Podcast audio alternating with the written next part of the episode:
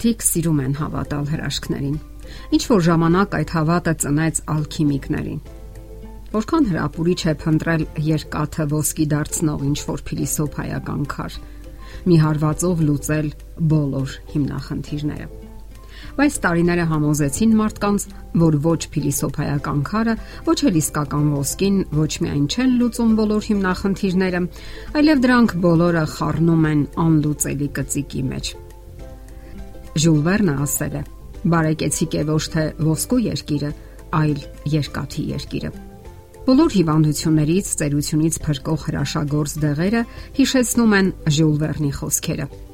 Դահուկն ու վազքը, մարմնամարզությունը, ճափավորված քաղցը եւ շնչառական վարժությունները, թիավարությունն ու լողը պարզապես հզոր երկաթյա pašար են, որ օգնում են առողջության ամրապնդմանը։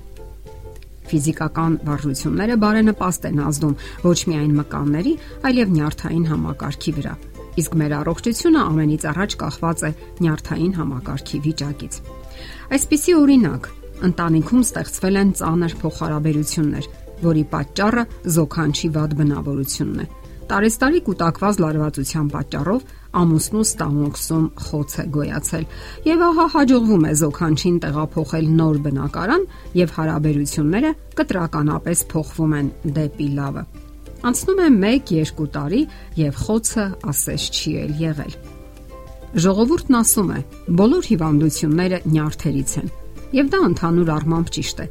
Սրտի սուր անբավարարություն ունեցող մարդկանց 90%-ի համար բնորոշ են որոշակի հատկանիշներ։ Անհամբեր են։ Ժամանակը նրանց երբեք չի բավարարում, անընդհատ լարված վիճակում են, չեն կարողանում զսպել զայրույթը, բռնկվող են։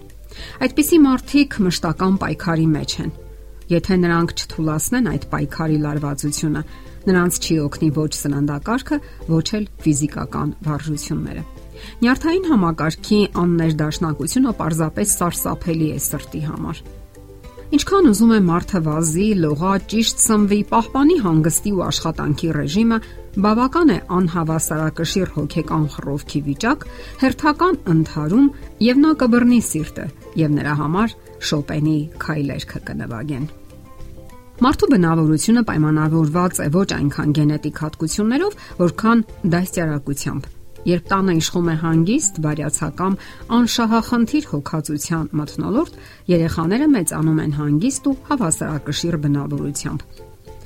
Ցավոք, կյանքը վշտանալու բավականաչափ առիթներ է տալիս։ Հաճախ մեզ վշտացնում եւ գրգռում են ուշադրության անարժան դատարկ բաները։ Ինչ որ մեկի անտեղի դիտողությունը, աննրբանակատությունը, կենցաղային անհարմարությունները, անգամ վատ եղանակը Իմաստուն մարդը ամեն ինչին պետք է հումորով վերաբերվի եւ լավատես լինի։ Հոգեբանները դյուրագրգիռ մարդկանց խորհուրդ են տալիս։ Աշխատեք միայնակ չմնալ ձեր անախորժության հետ։ Ձեզ տանջող խնդրի մասին խոսեք որևէ բարյացակամ խելացի մարդու հետ եւ կթեթևանաք։ Նրա խորհուրդները գուցեև ձեզ համար խիստ գործնական նշանակություն չունենան, կարևորը նրա կարեկցանքն է եւ անկեղծ ուշադրությունը։ Իդեպ դուք եւս պատրաստ եղեք լինելու ուրիշի խոստովանության կարեկից լսողը։ Կարողացեք ժամանակավոր կտրվել ձեր հոգսերից, որքան էլ ծանր լինեն դրանք, աշխատեք թոթափել, զբաղվել որևէ օգտակար գործով։ Եղեք նրբանակատ։ Ձեր վատ տրամադրությունը մի պարտադրեք ուրիշներին։ Ժամանակ առ ժամանակ անհրաժեշտ է թուլանալ, մենակ մնալ, մտածել վերացական բաների մասին, հիշել անցածը, երազել կարդալ բանաստեղծություններ, երաժշտություն լսել։ Աշխատեք, որ զայրույթը չհաղթի ձեզ։ Այն միայն նոր անախորժություններ կբերի։ Ավելի լավ է հանգստանալ ոչ թե բարերով, այլ ֆիզիկական աշխատանքով, վարժություններով։ Առողջ ֆիզիկական հոգնածությունը կլանում է զայրույթը։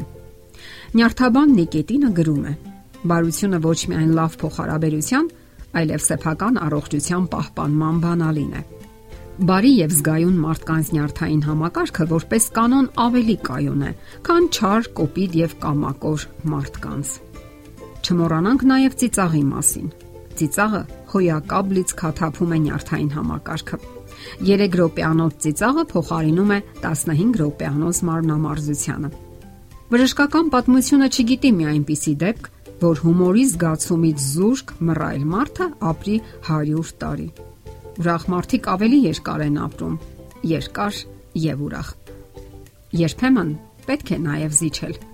Մեր համառությամբ մենք հաճախ նմանվում ենք կամակոր երեխաների։ Խելացի զիջումները ոչ միայն օգտակար են,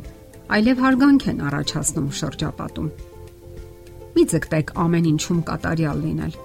առաջինը լինել դա ձեզ միևնույնն է չի հաջողվի։ Չէ որ յուրաքանչյուրի տաղանդն ու հնարավորությունները սահմանափակ են։ Պարզապես ձգտեք ամեն ինչ անել բարեխղճորեն եւ մակարդակով։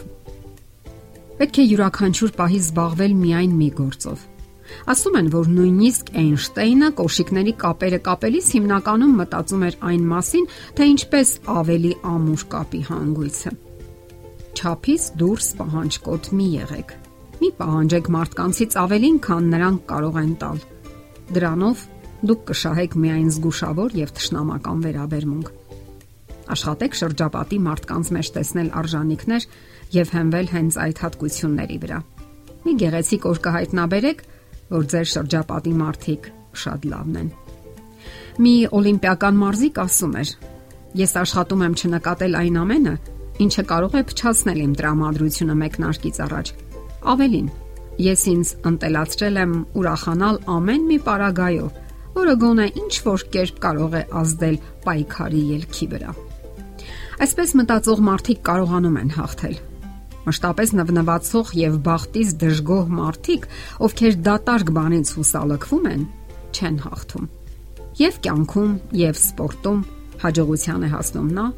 ով դաստիարակում է իր մեջ գործից հաճույք ստանալու կարողություն իսկ անհաջողությունները ողբերգությամբ չի ընդունում։ Մեր տրամադրությունը, հոգեկան հավասարակշռությունը, անկամ երջանկության զգացումը կախված են ոչ այնքան կյանքի հանգամանքներից, որքան դրանց նկատմամբ ունեցած մեր վերաբերմունքից։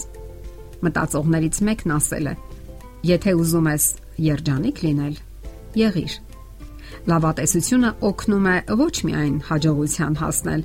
այլև ապահովում է հոգեկան եւ ֆիզիկական առողջություն։ Ֆրանսիացի նշանավոր հոգեբան Էմիլ Կուեն մելանխոլիայով տարապող իր այցելուներին ներշնչում էր այն հասարակ միտքը, որ կյանքը հրաշալի է։ Պետք է ձգտել վայելել այն։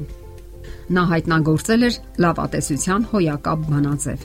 Միայն մեկ նախադասություն եւ խորհուրդ էր տալիս այն կրկնել առավոտյան եւ երեկոյան։ Կրկնել բարձրաձայն, առանց շտապելու օրեցօր ես ինձ ավելի ու ավելի լավ եմ զգում։